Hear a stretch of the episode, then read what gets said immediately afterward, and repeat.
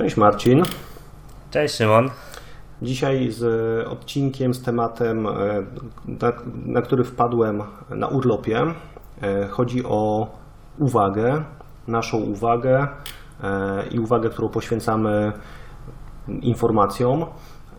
A do tego tematu zainspirował mnie właśnie wyjazd urlopowy, na którym zobaczyłem, jak zmienił, jak moja uwaga jest przeze mnie inaczej, że powiem, redystrybuowana.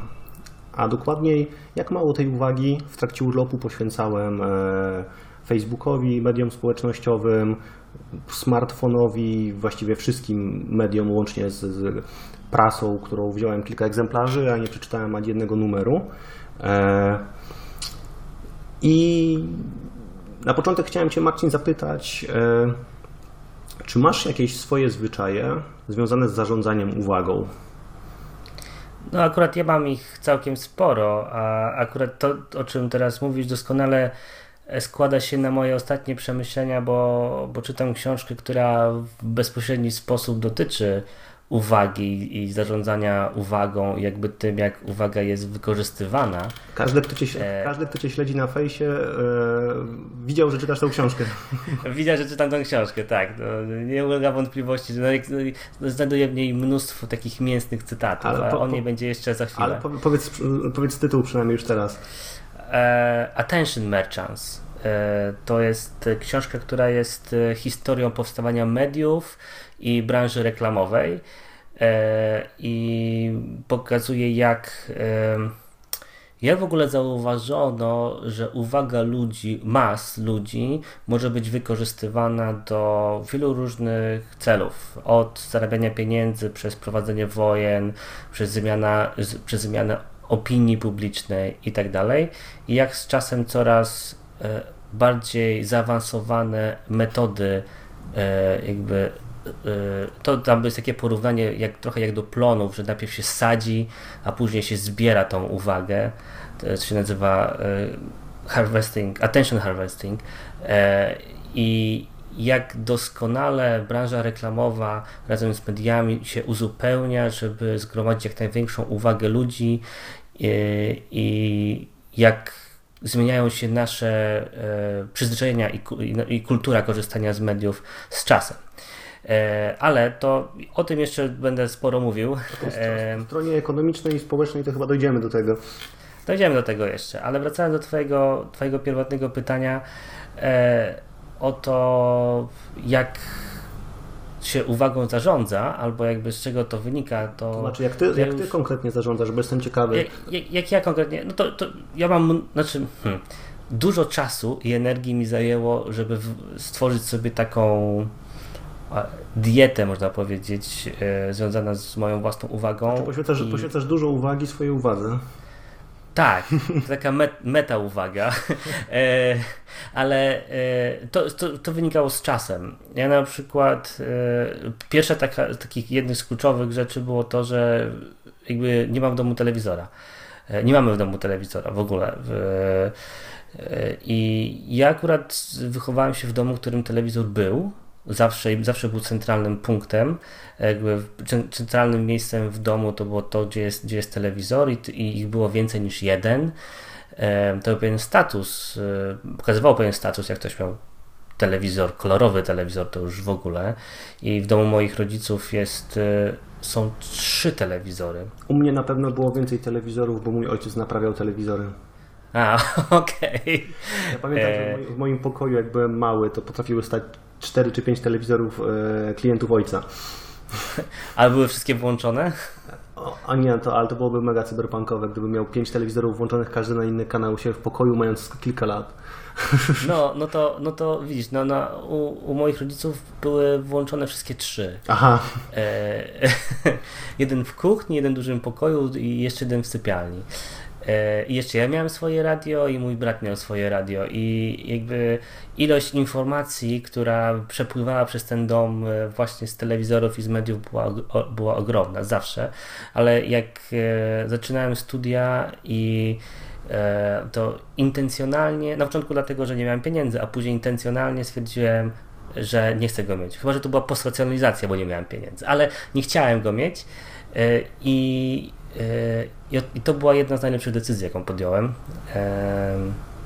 Bo teraz za każdym razem, po, po wielu latach, jak, jak wracam do, do mojego domu rodzinnego, to jak obserwuję jakby co się dzieje w telewizji, jak te, jak te komunikaty są e, szybkie i, e, i ciągłe i, i ta komunikacja jest niemalże, znaczy jest nieustająca i przerywana co kilkanaście sekund, to nie jestem w stanie zrozumieć, jak ktoś może e, jakby pochłaniać to wszystko bez zmęczenia tak, swojej tak. uwagi. Ja też przez dobrych kilka lat, właśnie po tym jak wyprowadziłem się na studia, ale potem nawet już kilka lat mieszkając na swoim nie, nie miałem telewizora i albo kiedy odwiedzałem rodziców, albo kiedy już w końcu kupiliśmy, też może telewizor mieliśmy wcześniej, tylko do oglądania filmów z internetu. No, dokładnie. E, ale w końcu podłączyliśmy kablówkę z żoną e, i pamiętam pewien szok, jakim dla mnie było oglądanie zwykłej telewizji, jak bardzo ona jest...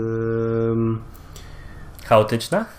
Chaotyczna, angażująca, taka E, nie pozwalająca na funkcjonowanie, to znaczy wiesz, jest włączony telewizor i ja na przykład nie jestem w stanie się skoncentrować, e, kiedy telewizor jest włączony. E, mojej, żon, mojej żonie wychodzi to trochę lepiej. I też zobaczyłem, czy zobaczyłem, przypomniałem sobie, jak bardzo agresywne, nachalne są reklamy, jak strasznie jest ich dużo.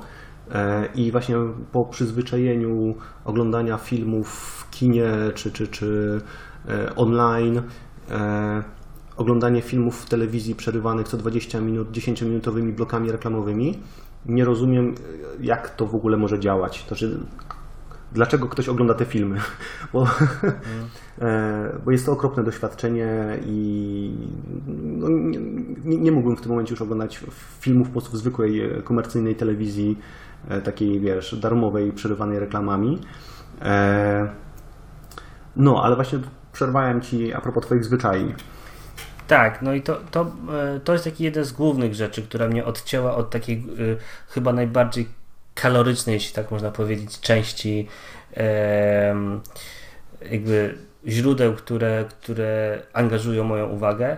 Y, druga, druga z rzeczy to jest to, to jest wycinanie wszystkich stron, które E, przeszkadzają w takim codziennym życiu, przeszkadzają pracownikom takim, że dają taki, e, taki mentalny fast food. E, ja korzystam z programu, który nazywa się Freedom, jeśli chodzi o internet i, i który mi wycina jakby dostęp do Facebooka, do YouTube'a, do Amazona, do Twittera, do stron newsowych, w ciągu dnia i ja mam go włączonego między 9 a 17, znaczy mi automatycznie to wycina, więc jak chcę wejść na Face'a w tym czasie, to widzę, że strona jest pusta i nic na niej nie ma. A to masz na, na e, desktopie czy na mobilu? To, to jest y, i tu i tu, to znaczy to jest taki VPN. Podpina się pod niego jak pod VPN-a, znaczy on tak cały czas chodzi i po prostu w tych konkretnych y, godzinach, jak sobie ustawisz, to nie pozwala ci na dostęp do, do zestawu stron, które sobie skonfigurujesz na początku. I e, na początku, jak to robiłem małymi kroczkami, znaczy wycinałem sobie to na dwie godziny, na trzy godziny, a teraz jestem już w takim trybie lockdown, że już nie mogę nawet nic zmienić, jak mam, tę, mam tą blokadę. Znaczy nie mogę go wyłączyć, znaczy go wyłączę, to dalej mi działa, więc jakby to już jest taki e, ten, już absolutny hardcore, nie? Najwyższy level. E, no i mam między 9 a, a 17. To jest to, że aplikacja nazywa się Freedom, ale pewnie, Dokładnie. pewnie masz poczucie, że ona jednak ci daje ten freedom, czyli wolność. E, to taka trochę ironia losu, nie? Bo daje mi wolność przez to, że mnie ogranicza. E, ale tak, e, daje wolność do, do, do, do jakiejś refleksji, do, do myślenia i, i pokazuje, to co jest szokujące, to pokazuje jak często mimowolnie wpisuję adresy albo klikam sobie na, na ikonę Facebooka, czy Twittera, czy, czy Amazona, czy jakiegokolwiek innego serwisu, tylko znaczy z przyzwyczajenia takiej już pamięci mięśniowej. E, więc to mi odcina ten element. No właśnie się zastanawiam, czy to jest, tak jak mówisz, jakaś e, taka pamięć, e, bo na przykład u siebie widzę, że to są bardziej nawyki i często to są nawyki, wstyd się przyznać, takie no nie wiem, naj, najbardziej mi się kojarzą z nałogowym paleniem papierosów.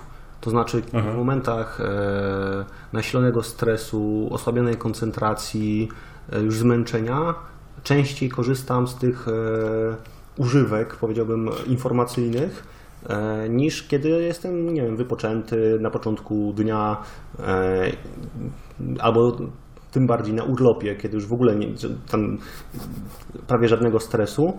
Wtedy nie mam w ogóle żadnej potrzeby odwiedzać tych stron, albo przynajmniej dużo rzadziej. E, I to jest paradoksalne. E, to czy paradoksalne? No, znaczy, da się to pewnie wytłumaczyć e, tymi mechanizmami, które są zaszyte, które mają dawać tu taką właśnie porcję małego szczęścia No dokładnie. przez wizytę. Ale powiedz mi, kiedy zacząłeś z tego korzystać i dlaczego właściwie? Wiesz co, z- zacząłem jakieś pół roku temu może? A, no to późno. Znaczy, E, niedawno. Tak, tak, tak. Niedawno, akurat z tego, ale powiem Ci dlaczego, bo ja zauważyłem, e, jak, jak mi się dziecko urodziło e, ponad rok, te, rok temu, e, to e, Facebook i Twitter, generalnie social media i Instagram to były takie. Generalnie, jak, jak, jak zapewne dobrze wiesz, jeśli się człowiek opiekuje dzieckiem, to nie, nie ma czasu na za bardzo nic innego. To znaczy, nie jest w stanie poświęcić niczemu innemu zbyt dużej uwagi, bo zawsze ma, e, musi e, tam e, sprawdzać e, kątem oka, czy wszystko jest ok, e, czy nie jest za cicho, czy nie jest za głośno, bo i to i to jest e, budzi podejrzenie, czy i czy generalnie czy wszystko jest w porządku. E, I w związku z tym nie ma się z książką. Dokładnie. W związku z tym ciężko jest mieć czas, albo nie da się mieć czasu zbytnio na taką głębszą e, e, wejście w, e, nie wiem, w, czytanie książki, czy e, Odpalenie serialu. Założenie, tak, czy założe, e, założenie słuchawek i odcięcie się od rzeczywistości. To za bardzo na to nie ma czasu, więc co wtedy jest najprostszym rozwiązaniem? Wejść na Face'a i przeskrolować przez parę sekund i później dostajesz ten taki mikrozastrzyk e, szczęścia i, i później możesz e, i nie, nie, nie czujesz e, żadnej irytacji, że, Że e, musisz na chwilę to przerwać i, i zająć się dzieckiem i wracasz. I na takich, takich kilkusekundowych czy kilkunastosekundowych przerwach jesteś łapany i później jakby każ, każdą wolną chwilę wykorzystujesz właśnie, właśnie na to.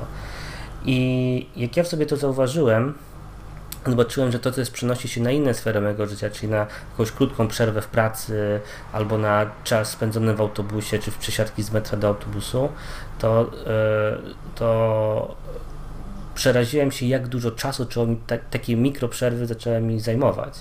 Więc e, stwierdziłem, że muszę sobie zacząć wyłączać bloki czasu z tego i, i akurat widziałem re, reklamę, e, polecenie polecenie znajomego tej, tej aplikacji i zaczę, sprawdziłem ją Przy, i, przykuła Twoją uwagę. jeszcze przykuła moją uwagę i zacząłem z niej korzystać i to, to była naprawdę wartościowa rzecz. Jest jeszcze jedna, e, jedna kwestia, która dla mnie jest taką istotną, to jest to, że praktycznie całkowicie bojkotuję strony z newsami. Wszystkie polskie i zagraniczne serwisy, w których są newsy Czy ze czy, świata. czy ty dzisiaj nie szerowałeś Gizmodo?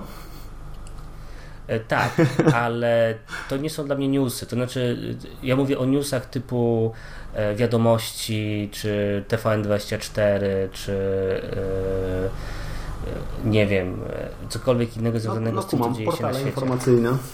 Portale informacyjne, tak. Jakby one mają dla mnie zerową wartość e, informacyjną.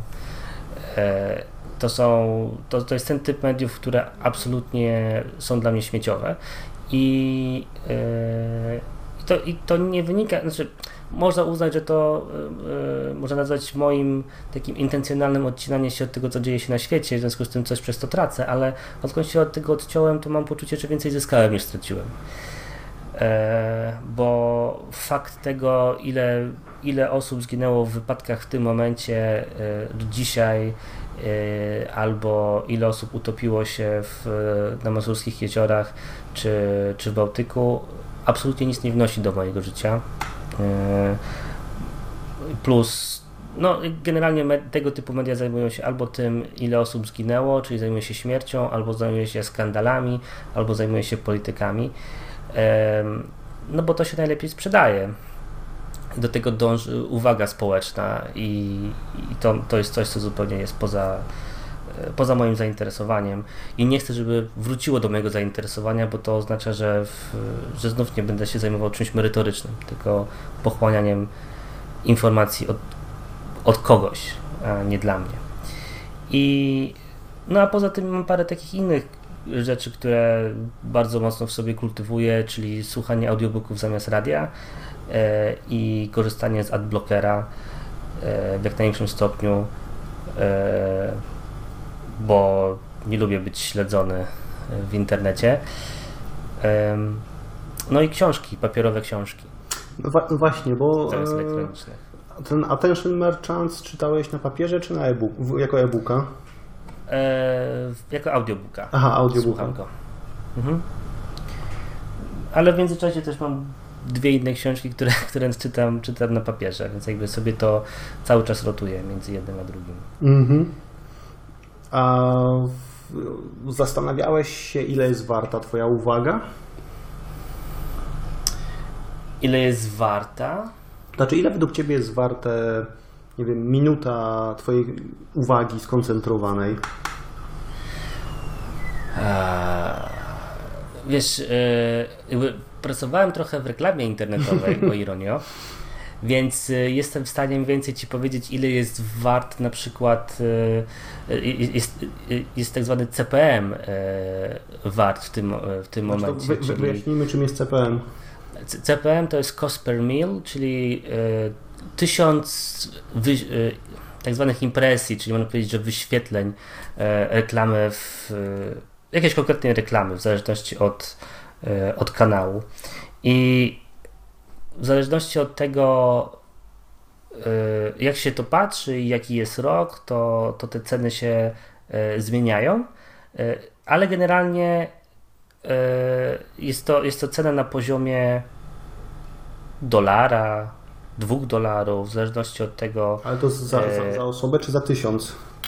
za tysiąc wyświetleń reklamy di- displayowej. E, najdroższa jest reklama wideo, tam to jest, potrafi być kilkanaście dolarów, e, w zależności od, e, e, od tego, e, jakby jaki to jest kanał, jak, jak, jak dokładnie jest e, definiowany, czy też segmentowany, to te ceny mogą się, mogą się różnić, ale w tym momencie reklama displayowa e, w internecie, bo właśnie sprawdziłem dane, to jest około 3 dolarów. E, reklama w e-mailu e, około 5 dolarów za, za 1000 wyświetleń. Mhm. No ale widzisz, Więc- dla mnie to, to nie jest dobry miernik, bo ja ce- celowo zapytałem, na ile ty swoją uwagę wyceniasz, a nie na ile wycenia ją rynek reklamowy, bo e, odnoszę wrażenie, że, znaczy nawet nie tyle odnoszę, jestem przekonany, że e, my jako zwykli konsumenci, obywatele, ludzie tacy, prawda, żyjący sobie na co dzień, e, kompletnie nie zastanawiamy się nad tym, ile warta jest nasza uwaga. Natomiast e, tacy gracze jak media, reklamodawcy, politycy i tak dalej, oni myślą o tym od kilkudziesięciu lat. Ponieważ w Attention Merchants jest to jeszcze lepiej rozpisane, być może sięga jeszcze, jeszcze bardziej wstecz. E, I oni wszyscy zdają sobie sprawę, że żyjemy w, że, że istnieje zjawisko e, ekonomii uwagi, attention ekonomii, e, że ta uwaga jest wiele warta. I ja mam wątpliwość, czy e, minuta na przykład mojego czasu wyceniana przez e, dom mediowy, wiesz, reklamę display albo reklamę wideo na YouTubie, dla nich jest tyle samo warta, co dla mnie. Wydaje mi się, że dla nich jest trochę mniej warta niż dla mnie. E, I e, właśnie tak jak roz, rozmawialiśmy w, odcinku o prywatności, też tam pamiętam, poruszyliśmy ten wątek, że e, my bardzo łatwo oddajemy swoją prywatność, w ogóle wiesz, nie kalkulując tego, nie zastanawiając się nad tym, e, a inni uczynili z tego zasób, na którym czy to zarabiają pieniądze, czy, czy e, realizują jakieś działania, które mają wywrzeć na nas wpływ, e, co potem się przekłada na jakiś wpływ polityczny. No nie wiem, czy na przykład uważasz, że rynek dobrze wycenia cen, cenę Twojej uwagi? E, wiesz co, jak spojrzysz na to z perspektywy rynkowej, czyli takiej skalo, zeskalowanej na, na cały glob, no to łatwo jest zauważyć jedną charakterystyczną rzecz, że e, jakby, jakby zasób uwagi nas wszystkich jest e, stały, w sensie ma pewien sufit, no bo doba ma tylko 24 godziny, i to jest jakby maksimum. Jakbyś nie spał, jakbyś nic innego nie robił, tylko zwracał swoją uwagę na, to, na coś, na co ktoś inny E, chce, żebyś zwracał uwagę, no to to, co ci pozostaje, to znaczy to pomnożyć to przez ilość ludzi, które w tym momencie jest na, na kuli ziemskiej. No to, to jest jakby gr- granica tego zasobu. I w momencie, w którym mamy ekonomię, która, w której podstawowe dobra, cena podstawowych dóbr spada, to a, a ten zasób w postaci uwagi jest cały czas stały, E, no to należy jasno, to można łatwo stwierdzić, że ta uwaga ma coraz większe znaczenie. Znaczy, szcz- Albo szczególnie, że do tego równania dodamy jeszcze to, że jest coraz więcej czy to podmiotów walczących o naszą uwagę, albo też e, po prostu informacji. E... Dokładnie. I, i coraz i z każdym, z każdym rokiem coraz lepiej e, można personalizować informacje, tak żeby złapać tą uwagę, czyli jakby e, tak, e, skuteczność e, reklamy chociażby jest coraz wyższa. Ale właśnie, jesteś, skuteczność... jesteś pewien, że jest wyższa? Bo ja mam, ja, ma, ja, ja mam wątpliwości, że właśnie w, w okej, okay, personalizacja postępuje, ale równocześnie postępuje, zwiększa się liczba komunikatów, wiesz, kontaktów reklamowych i tym podobnych i wcale nie jestem pewien, czy na przykład teraz, wiesz, super spersonalizowana reklama w e-mailu jest skuteczniejsza niż 40 lat temu reklama drukowana w jedynym tygodniku, który ktoś czytał.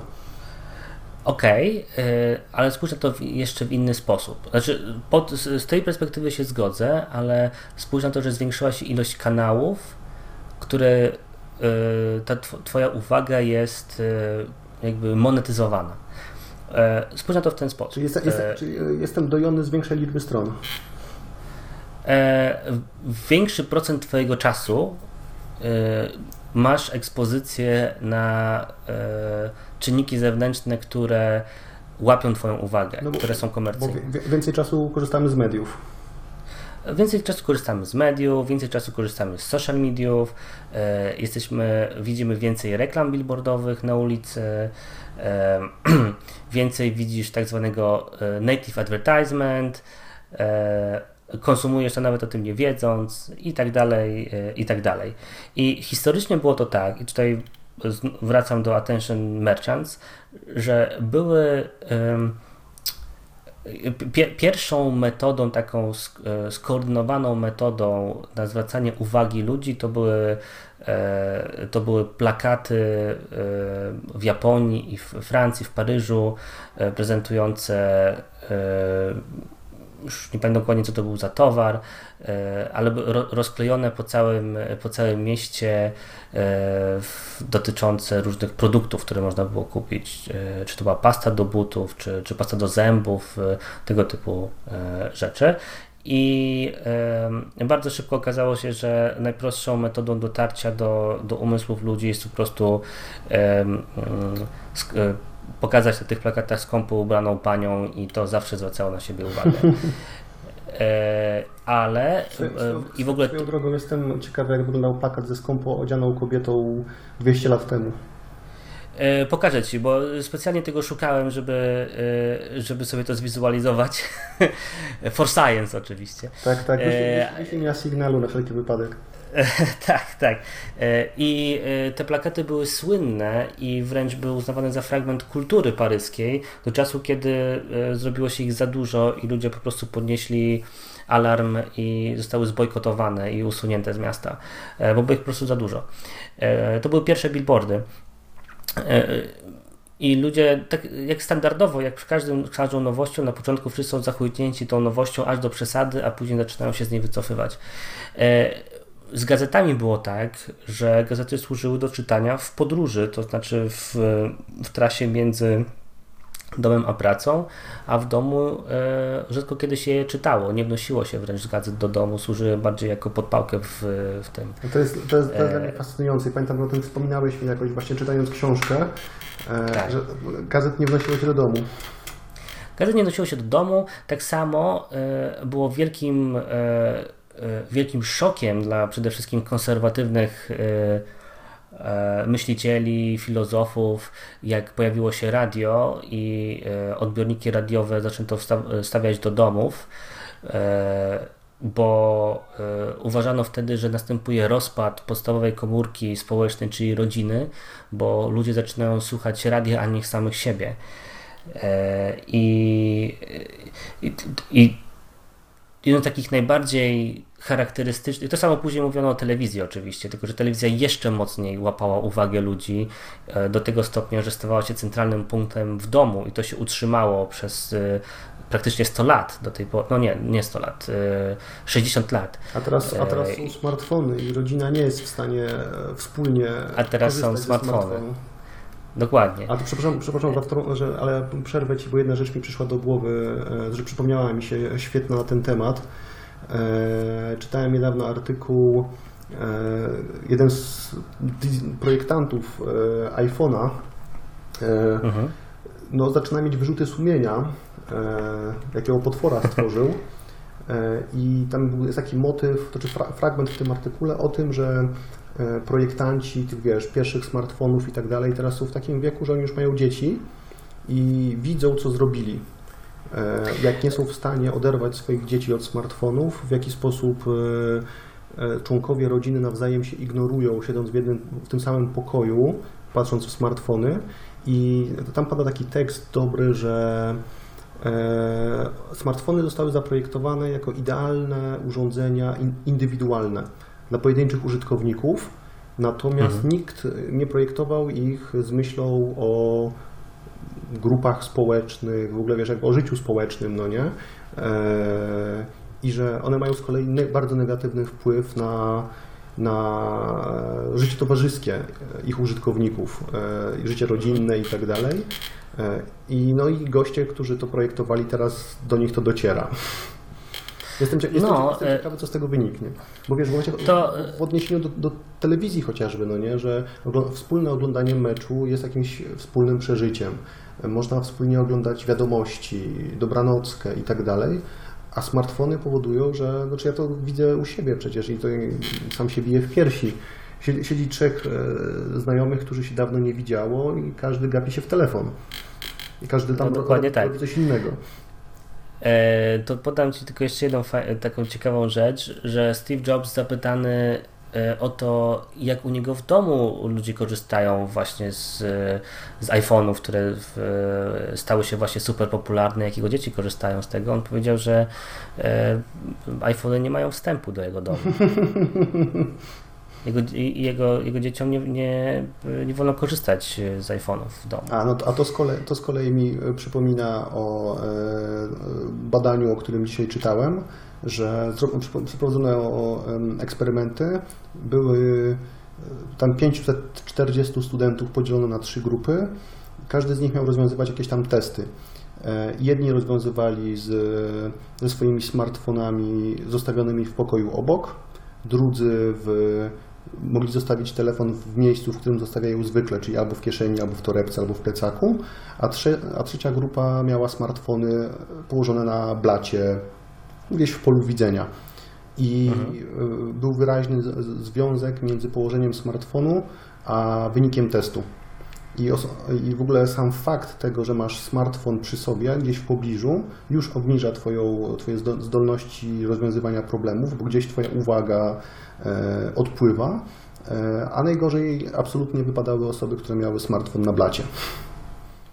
No tak, no to to jest jakby klasyczny, jedno z najsłynniejszych badań psychologicznych, e, czyli marshmallow test, e, w którym badano jak e, dzieci, e, jak długo są w stanie utrzymać samą kontrolę, e, bo e, mają przed sobą, są zamknięte w pokoju i mają przed sobą e, położony e, no, jak, jak, jakąś słodkość i teraz e, im dłużej, jeśli wytrzymają jakiś konkretny czas, to mają powiedziane i nie zjedzą, to mają powiedziane, że dostaną następne, czyli dostaną drugie, będą miały dwa razy więcej e, tych słodkości. E, I tylko nie zostało powiedziane, jak długo muszą czekać.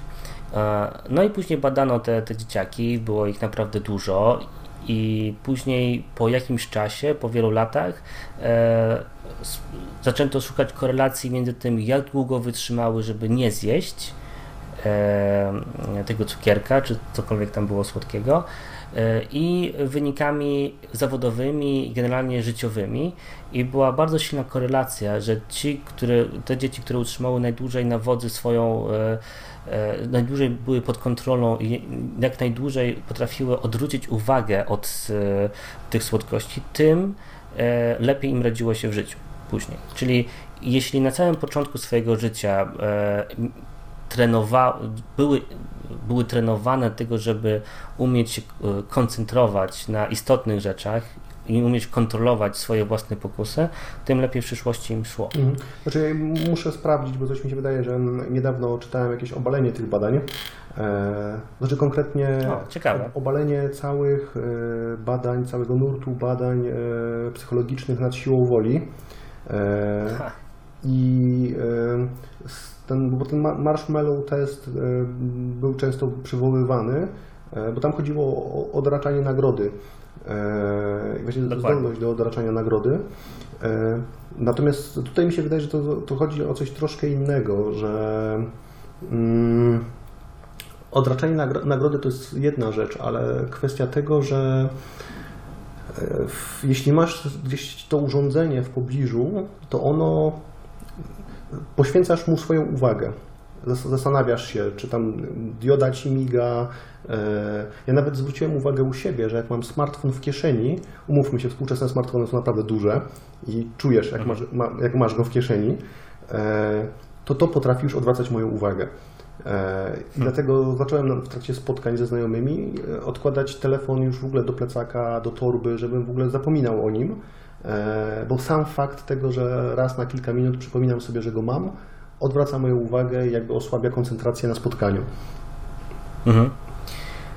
No, znaczy, to, to, to, ma sens, no bo oczywiście e, najłatwiejszy sposób, żeby zwrócić na nas, żeby zwrócić, e, żebyśmy na coś skoncentrowali naszą uwagę, to jest to, żeby mieć to w zasięgu ręki, nie? Albo wokół siebie, czyli to, co widzimy, to, co słyszymy, to, co, to, co czujemy. To naturalnie e, e, podświadomie zwracamy też na pewne, pewne rzeczy uwagę, szczególnie na peryferiach naszego wzroku, bo jeszcze cały czas jesteśmy zwierzętami, cały czas mamy w sobie takie zachowania często biologiczne, że obserwujemy otoczenie w poszukiwaniu zagrożenia e, i szybciej reaguje nasz e, e, nasze instynkty niż nasze racjonalne myślenie. Dlatego też reklamy z tego korzystają. A najgorsze są już reklamy radiowe, które wykorzystują na przykład sygnały karetek e, albo sygnały powiadomień e, z gadu-gadu albo sygnały inne, które mamy, mamy wkodowane, do których jesteśmy przyzwyczajeni, bo pochodzą z naszych komputerów, czy z naszych słuchawek, czy z naszego otoczenia, które sugerują coś, konieczność zwrócenia na to uwagi, a zaraz za tym idzie komunikat, który jest zupełnie z tym niezwiązany. Mhm. Znaczy, fajnie, że poruszyłeś ten temat takich e, sposobów na przykuwanie naszej uwagi, e, bo zastanawiałem się właśnie nad mediami społecznościowymi jako takim, wydaje mi się, najwyższym poziomem e, podstępu w przykuwaniu naszej uwagi, tak to nazwę, bo E, twórcy reklam, e, twórcy mediów e, kombinowali przez lata, w jaki sposób przyciągnąć naszą uwagę i niezmiennie, pewnie od początku naszego gatunku, najskuteczniejszym sposobem, rzeczą, której najbardziej poświęcamy uwagę, są po prostu nasi bliscy, nasi znajomi. I ktoś stosunkowo niedawno wpadł na genialny pomysł, żeby zrobić serwis złożony tylko i wyłącznie z Twoich znajomych. E, I gdzieś pomiędzy nich powsadzać reklamy. E, I też według mnie teraz obserwujemy, ty wspominałeś chyba przed odcinkiem, że w Attention Merchants jest wykres pokazujący gwałtowny wzrost popularności social media.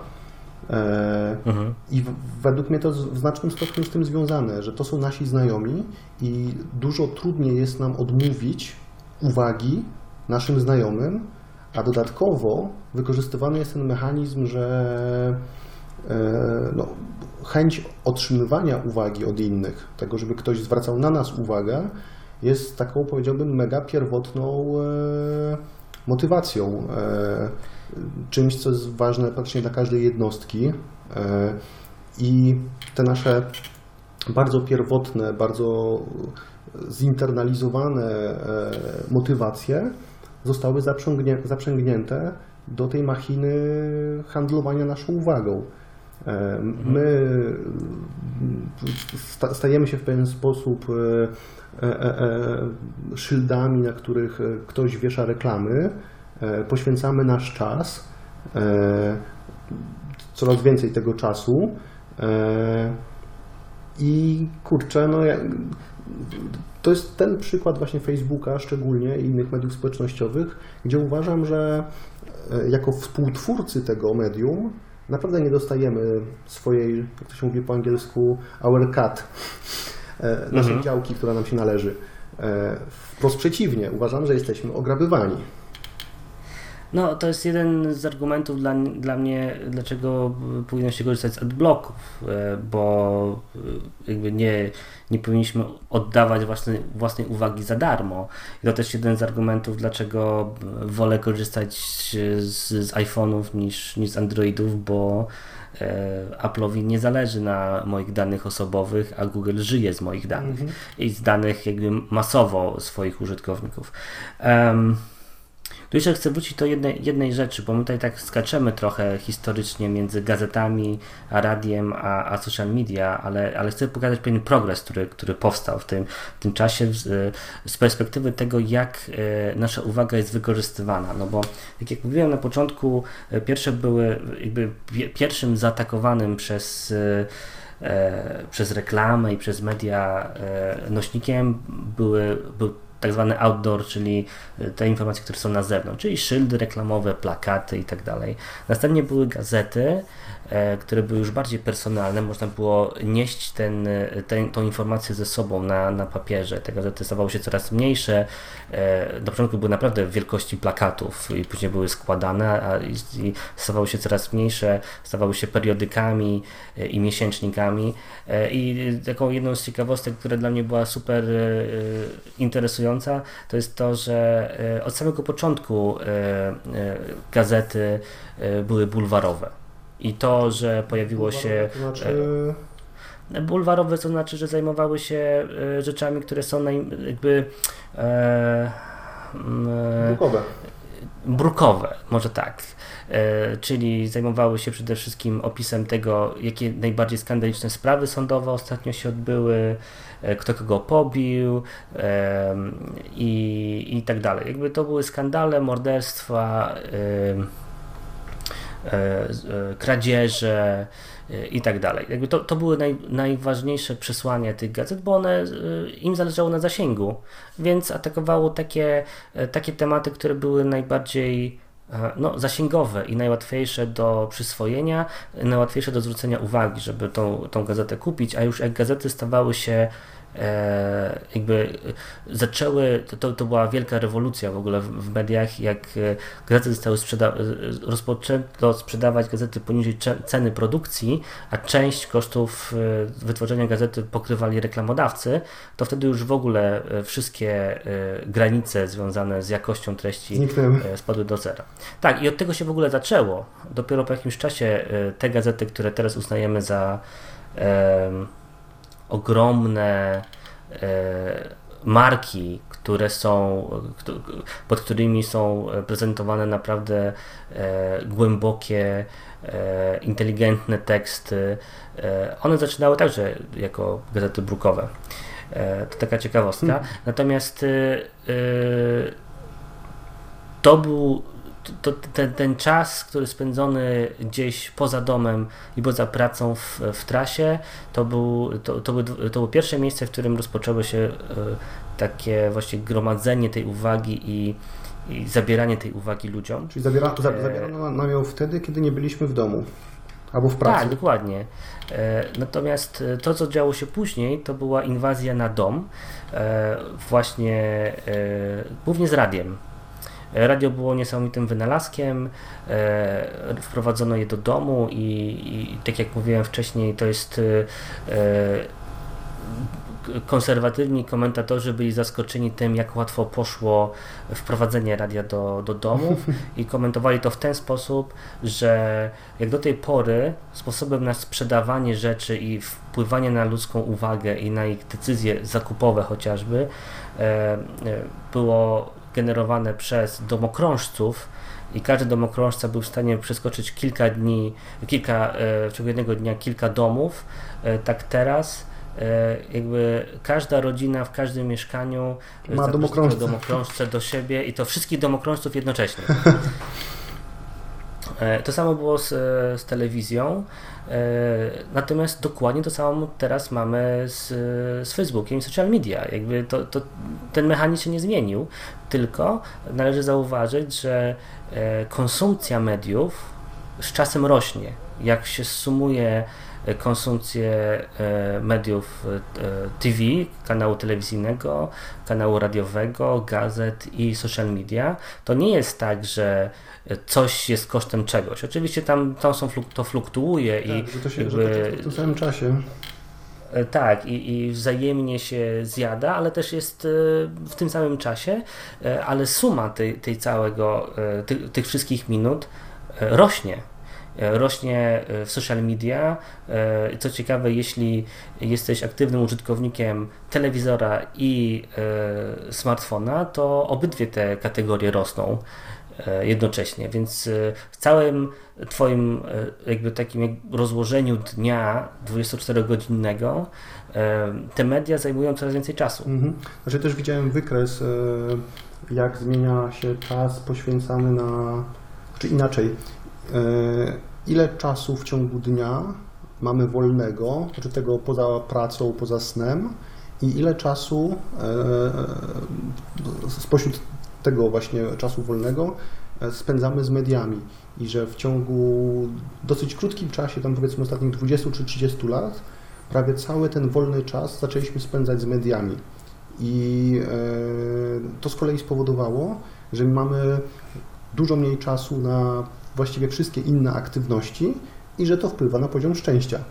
E, bo się mhm. okazuje, że właśnie, że twórcy mediów E, są bardzo skuteczni w przykuwaniu naszej uwagi i e, przegrywamy my jako jednostki, które wiesz, decydują o swoim, co, co zrobią ze swoim czas, czasem, przegrywamy często walkę i dajemy się skusić mediom, czy to smartfonowi, e, Facebookowi, telewizji i tak dalej, zamiast wykonać coś, co prawdopodobnie było, wymagałoby od nas trochę większego wysiłku, e, typu, nie wiem, przeczytanie książki, wyjście z domu, żeby się z kimś spotkać i tak dalej, i tak dalej, ale nie czyni nas to szczęśliwszym, że przegrywamy tą walkę.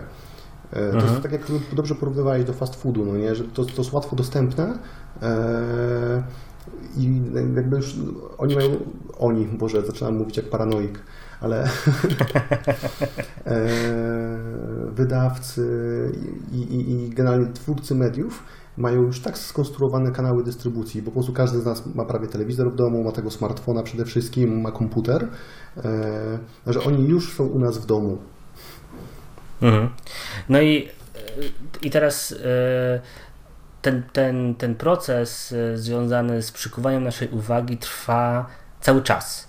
I parę przykładów, które dopiero z tej perspektywy były, są dla mnie szokujące, to jest chociażby to, e, jak wyglądają telewizory na siłowni. E, znaczy no, w klubach fitness, bo teraz siłowni takich, o to już pewnie nie Nigdy nie mogłem zrozumieć, po co są telewizory na siłowni, szczególnie kanały informacyjne włączone bez dźwięku.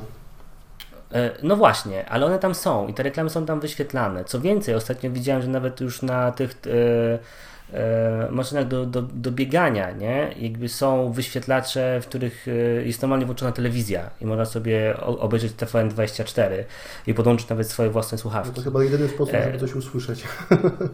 No, ale, ale zobacz, to jest następne miejsce, w którym pojawia się następny ekran, w którym e, Twoja uwaga znów jest e, zbierana. I teraz spójrz na to. Em, Ostatnio była premiera, znaczy to jeszcze nie jest premiera, to była prapremiera e, nowego modelu Tesli. Tesla, Tesla numer 3.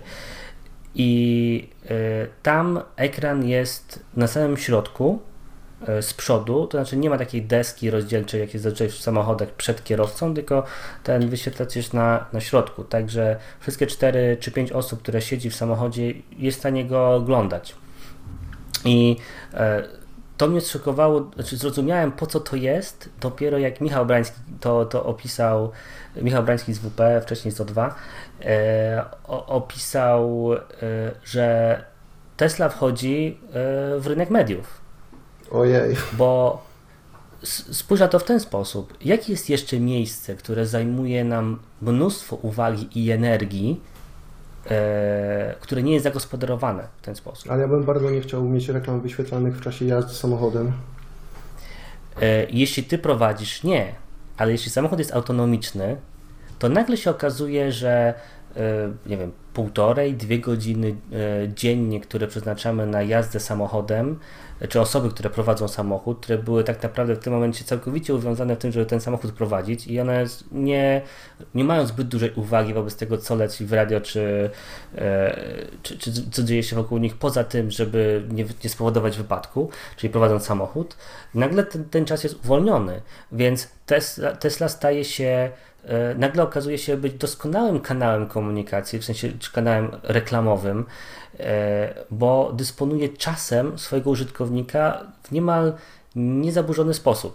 No, e, ale to, to, to z kolei e, znowu każe mi zapytać, e, co ja z tego mam e, jako użytkownik, bo wspomniałeś o właśnie o powiedzmy potencjalnej reklamie w Tesli. E, zacząłeś mówić e, na samym początku o, o początkach reklamy outdoorowej. E, I albo te, te ekrany na siłowniach. Ja płacę za to, żeby iść na siłownię. Dlaczego ktoś ma mi jeszcze kraść moją uwagę? Nie wiem, no nie wyrażam na to zgody po prostu. No nie, nie chciałbym tych reklam oglądać. Tak samo, o ile jestem w stanie jeszcze w jakiś sposób zrozumieć reklamę chociażby na Facebooku, no bo dostaję przynajmniej jakąś aplikację, e, jakieś narzędzie, z którego mogę korzystać za darmo. O tyle nie rozumiem pakowania reklam do Tesli, albo e, co zyskujesz e, z reklamy outdoorowej. Ktoś, kto, ktoś, ktoś pakuje się do Twojego mózgu z informacjami, e, które musisz zobaczyć, bo po prostu poruszasz się w przestrzeni publicznej. E, czyli tak naprawdę ktoś kradnie Twoje zasoby, e, nie dając Ci niczego w zamian. Znaczy, jakby to nie jestem w stanie tak stwierdzić, że na pewno niczego w zamian, no bo pamiętaj, że reklama ma po- jedną z podstawowych funkcji reklamy jest, jest informowanie. E, Tak, tak. Znaczy, E, ja, jest, ja jestem PR-owcem, więc ja nie będę tutaj prawda, e, krytykował e, kompletnie rynku reklamowego i, i rynku komunikacji. No. Natomiast e, uważam, że na tej wymianie jesteśmy stratni i e, są kraje, są miasta, gdzie reklama outdoorowa jest właściwie zakazana e, i ich gospodarki nie upadły. Ich obywatele nadal są poinformowani. E, I ja, ja, ja coraz bardziej się zastanawiam i uważam, że nie wiem, jako społeczeństwo czy, czy, czy jako państwa, czy nie, nie należałoby w jakiś sposób zacząć regulować tego, kto może wpływać na naszą uwagę albo walczyć o naszą uwagę. Nie jestem do końca pewien, czy to uda, czy to uda się zrobić, bo e, my nie mamy. W, bo to, to, to o, czym, o czym mówisz, zakładałoby dokładnie tego samego, czego chcieliby reklamodawcy, czyli mieć kontrolę nad ludzką uwagą, nie? ale jakby tego nie jesteś w stanie zrobić. Znaczy, nie jesteś w stanie świadomie kontrolować i, i ograniczać jakby zakres, jakim ktoś może. Yy, wykorzystywać swoją uwagę, czy gdzie ją, gdzie ją kierować. Jakby zgadzam się z tym, że reklama outdoorowa jest czymś nieprzyjaznym miastu chociażby, czy nieprzyjaznym obywatelom i, i, i, widziałem przykłady miast, w których tej reklamy nie ma i to jest zadziwiające, jak ta reklama dużo powierzchni tak. zajmuje i jak jej brak jest e, przyjazny, jest, jest, jest, jest przyjemny dla, dla oka, bo widać budynki i architekturę nagle. E, to jest super. E, i, I, tylko z drugiej strony wydaje mi się, że nie, że nie ma co obrażać się na rzeczywistość. To znaczy, jakby ja nie mam wpływu na to, czy ktoś ustawi telewizor w siłowni, czy nie. E, ja mogę e, czynnie walczyć, żeby nie zwracać na niego uwagi. A to jak, jak, jak, Ale tylko tyle. Będziesz czynnie walczył, żeby nie zwracać uwagi na, na kilkanaście telewizor, telewizorów ustawionych w siłowni.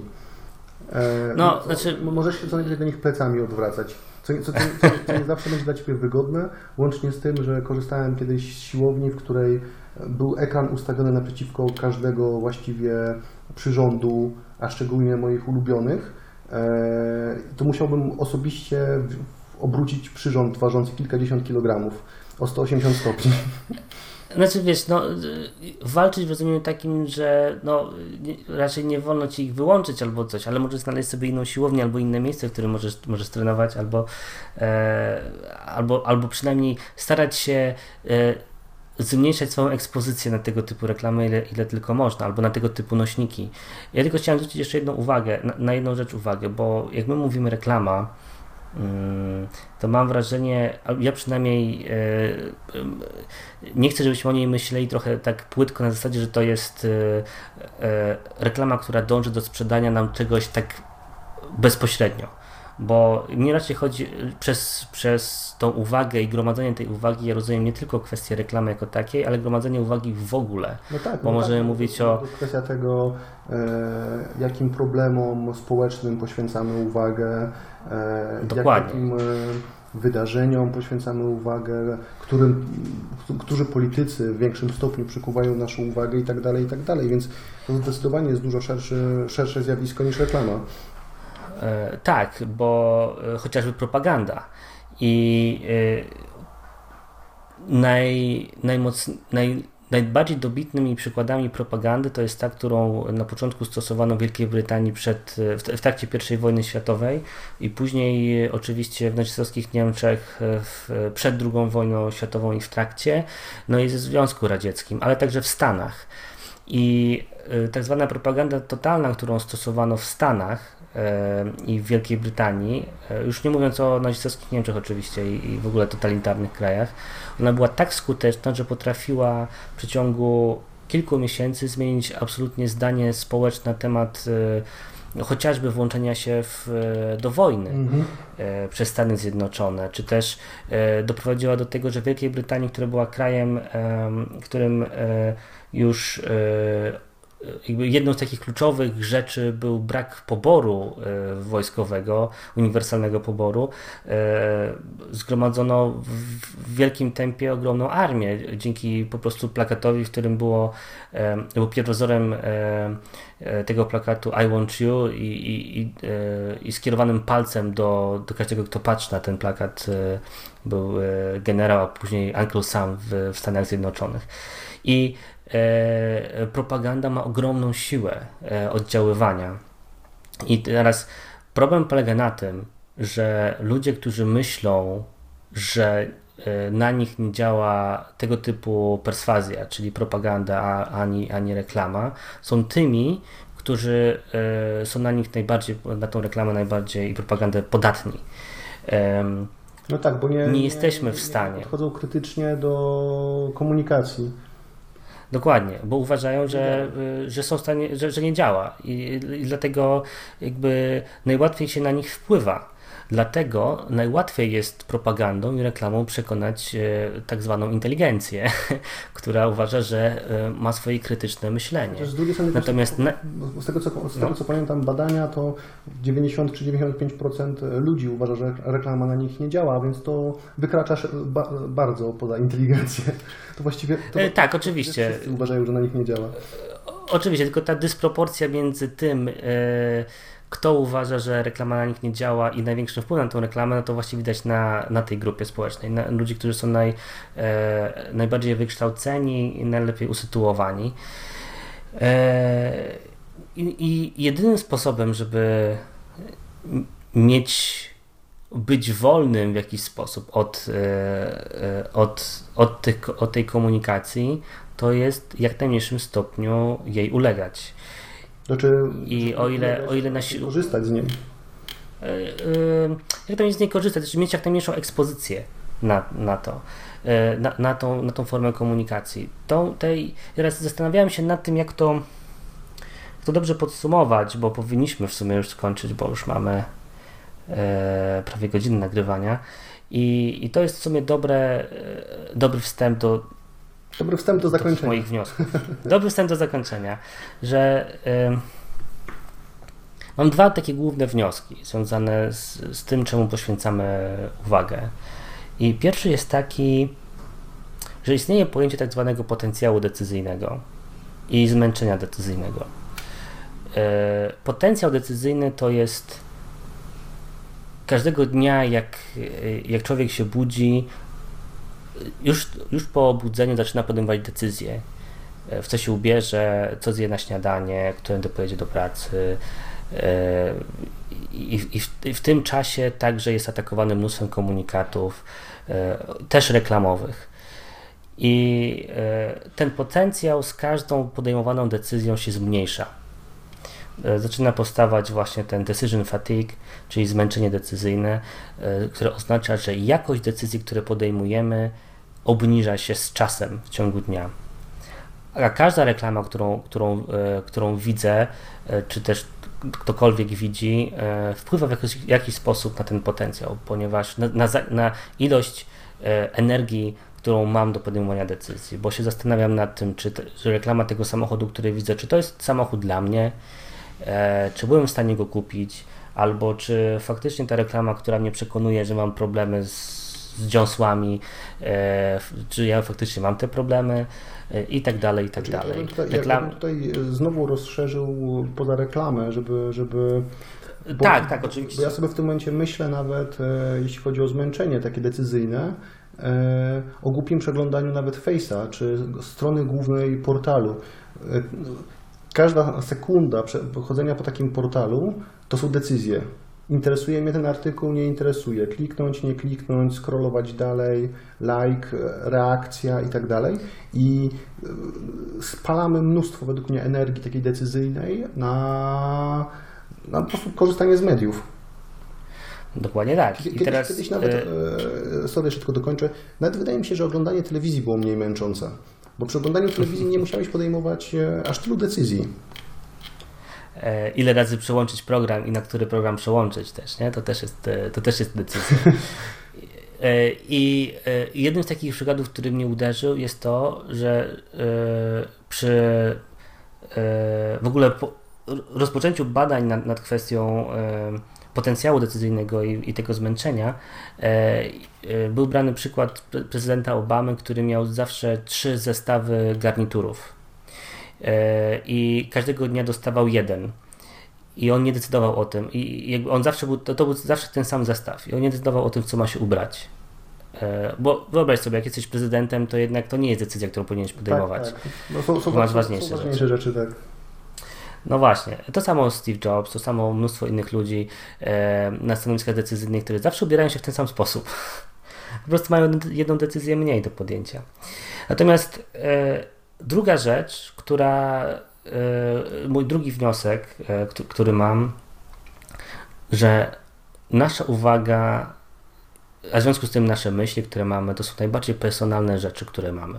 Nie ma chyba niczego bardziej personalnego niż, niż nasz własny, własny ogląd świata i nasze własne wnioski, nasze własne decydowanie, nasze własne myśli, nasze własne przemyślenia. Znaczy, jeśli ktoś, I... jeśli ktoś może przykuć naszą uwagę, e, to może wpłynąć na nasze myśli i e, jak to było e, napisane w jednym z artykułów, e, który czytałem, tutaj właśnie przygotowując się, nie ma nic bardziej realnego niż obrazy w naszej głowie. No, ładnie powiedziane. I chodzi mi o to, że można by podzielić te wszystkie komunikaty, które do nas przychodzą, na te, które są, które wynikają z, z nas samych, to znaczy, że my intencjonalnie poszukujemy jakiejś wiedzy, jakiejś informacji. Specjalnie yy, bierzemy konkretną książkę do ręki. A, a, a i, i, druga grupa to są, to są informacje, które są niezależne od nas, które są kontrolowane przez kogoś innego jeśli otwieramy Facebooka e, i, e, i, widzimy inform- i widzimy reklamę, albo e, włączamy telewizor i widzimy re- reklamy między programami, albo, albo program, który jest przerywany reklamami, to, to nie są treści, które są, które są przez nas wybrane intencjonalnie. Znaczy, Więc znaczy, powinno. No. Ja się o tyle tutaj będę trochę bronić tych informacji, e, które nie są intencjonalnie przez nas wybierane, że trudno jest żyć bez tego, e, a tym bardziej trudno jest e, żyć w sposób, nie wiem, taki świadomy, mając, wiesz, mając, rozumiejąc, co się dzieje ze światem i mając jakieś szerokie horyzonty w sytuacji, kiedy nie jesteś otwarty na informacje, których się nie spodziewasz.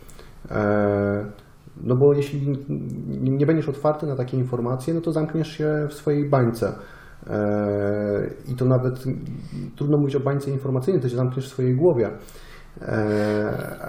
W trochę to nie wierzę, wiesz, to znaczy jakby nie, schodząc na taki poziom już e, podstawowy, znaczy nie uważam w to, że nie dotrą do mnie ważne informacje, dlatego że nie czytam newsów chociażby. A to nie, no to są dwie różne sprawy, właśnie jakby jak, jaką masz dietę tą informacyjną.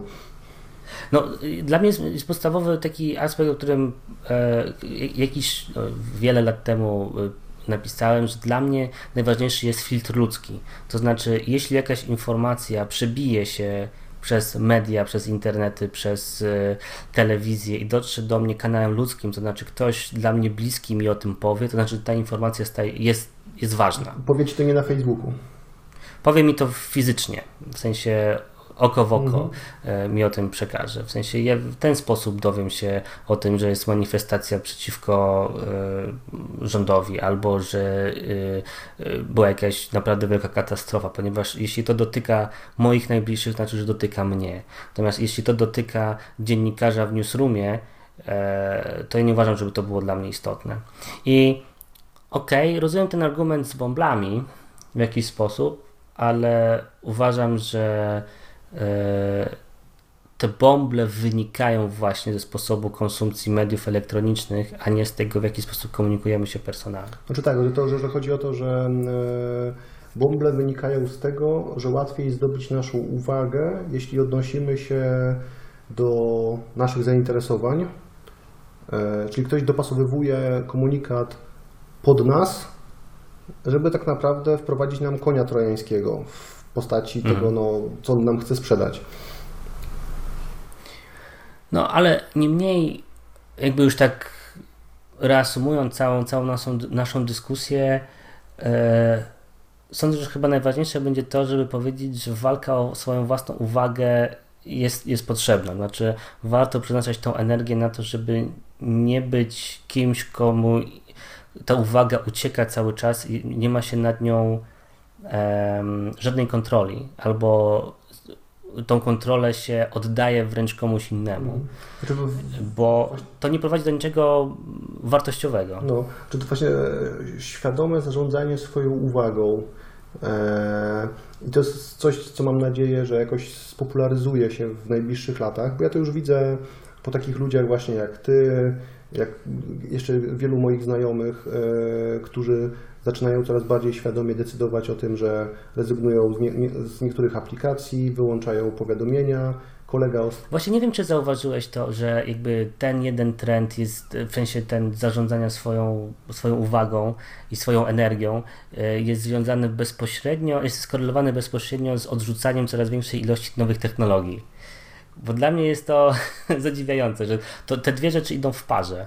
Znaczy odrzucanie nowych technologii i e, zarządzanie uwagą?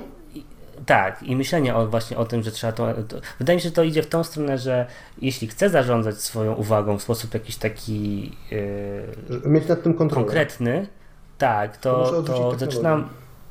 Od, może nie całą, tylko zaczynam minimalizować jej znaczenie, ograniczać jej wpływ, e, dostępność dla siebie samego. tak. Po prostu A- a zaczynam pane- budować sobie to, e, jakby ten, ten znaczy, ten jakby e, zwracanie sobie tego czasu, który do tej pory był poświęcony na rzeczy, które nie były uważne albo nie były istotne, e, jest związana z tym, żeby ograniczyć na przykład ilość ekranów, które wokół mnie świecą, albo, albo to, co ja zrobiłem jakiś czas temu, czyli, e, czyli w ogóle odrzucenie e, smartwatchy, odrzucenie konsoli i tak dalej. To, zwróć, zwróć uwagę, że to jest jeszcze głębszy paradoks, bo e, ja to zjawisko e, zaczynam obserwować głównie u ludzi, którzy najbardziej siedzą w nowych technologiach.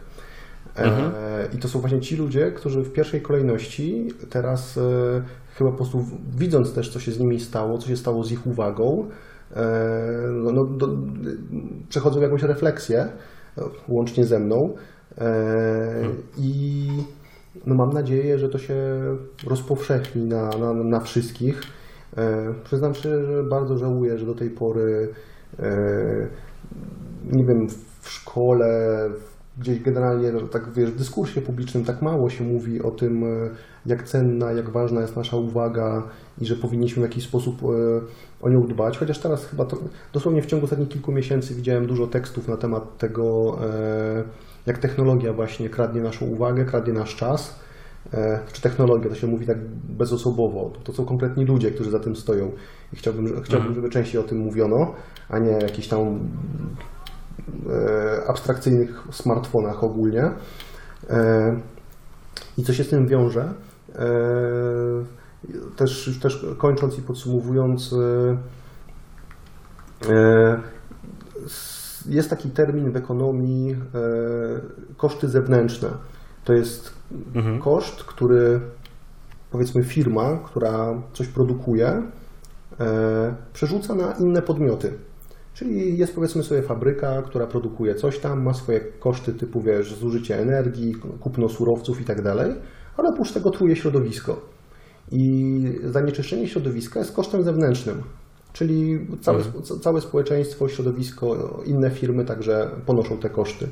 I tak sobie myślę, że e, przykładowo Facebook, ale też e, wiele innych e, mediów i firm, reklamodawców, w tym e, e, generowaniu kolejnych informacji, walce o naszą uwagę, e, oni mają swoje koszty, typu wyprodukowanie tych treści, dystrybucja i tak dalej, ale kosztem zewnętrznym jest nasza rozwalona koncentracja, nasza rozwalona uwaga. E, To, o czym Ty mówiłeś, że e, złapałeś się na tym, że traciłeś mnóstwo czasu dziennie, to takie mikromomenty, na sprawdzanie face'a. E, Tak. Ja widziałem u siebie, do tej pory to mam i nie, wiem, co z tym zrobić. Widzę, że kiedy czytam, moja koncentracja jest dużo słabsza. Ja co chwilę muszę podejmować decyzję, żeby nie, nie zrobię zdjęcia, nie wrzucę tego fragmentu tekstu na face'a. E, dlatego też przerzuciłem się z czytania głównie na papier, bo gdybym chciał szerować fragmenty z e-booków, to byłoby to dużo łatwiejsze, szybsze i jeszcze trudniej byłoby mi się powstrzymać. E, w pracy e, moja koncentracja i uwaga jest słabsza niż była kiedyś, bo jest cała masa pokus, e, powiadomienia i tym podobne rzeczy. Więc ktoś robi swój biznes, zarabia, sprzedaje nam reklamy czy tam jakieś produkty, e, a my lądujemy z rozpieprzoną, za przeproszeniem, koncentracją i uwagą. I ja dlatego wspomniałem o, o tym pomyśle z regulacjami. Może nie to, żeby tam tworzyć jakieś e, że ktoś mi wysyła powiadomienie, że chce kupić moją uwagę i czy się zgadzam, bo to już by wymagało ode mnie poświęcenia uwagi, ale jest ten e, nurt, o którym pewnie słyszałeś w projektowaniu Time Well Spent, e, do, Tak. do, do którego pewnie podlinkujemy w notatkach, czyli zwracanie uwagi projektantów na e, koszt właśnie tego, jaki i konsekwencje tego, co oni projektują, jak to wpływa na życie ludzi, jak to ich uzależnia od, od e, aplikacji, od smartfona, e, czy to dobrze robi na relacje międzyludzkie, czy, czy właśnie kogoś wciąga, nie wiem, przerywa komuś spotkanie towarzyskie i tak dalej, i tak. Więc ja widzę jakieś e, ruchy w kierunku tego, że takiej refleksji i, i walki o odzyskiwanie naszej uwagi. No, jakby to, to był mój ostatni, ostatnia rzecz, którą chciałem właśnie wspomnieć, czyli ten trend w budowaniu produktów i usług, e, które skupiają się na tym, żeby ograniczać czas, jaki jest potrzebny w interakcji. E, ale to jest pewien trend, który może się udać w, w narzędziach, ale nie uważam, żeby udał się w mediach. Mm-hmm. Bo na przykład nie wiem, czy wiesz, to już moje ostatnie, ostatnie zdanie. Nie wiem, czy wiesz, Google za, zainwestował w spółkę, która nazywa się Calico, bodajże, e, który wydaje się zupełnie niezwiązane z tym, co Google robi. Google jest firmą mediową, umówmy się, jest, jest firmą reklamową w gruncie mm -hmm. rzeczy, tak samo jak Facebook. Ale e, Google zainwestował w Calico, w e, firmę, która zajmuje się przedłużaniem długości, e, czy wydłużaniem czasu życia ludzi przez i szuka metod na to, żeby ludzie żyli jak najdłużej. Zwiększą rynek uwagi przez wydłużenie życia. Więc Google wymyślił sposób, żeby wydłużyć e, e, ilość uwagi na rynku. Doskonała końcóweczka. E, Marcinie, serdecznie dziękuję. Dzięki. I do usłyszenia następnym razem. Cześć. Hej.